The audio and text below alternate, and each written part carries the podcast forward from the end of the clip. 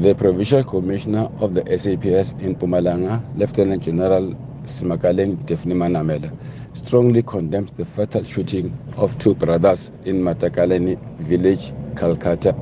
During the incident, two other victims sustained some gunshot wounds and are currently receiving medical attention in hospital.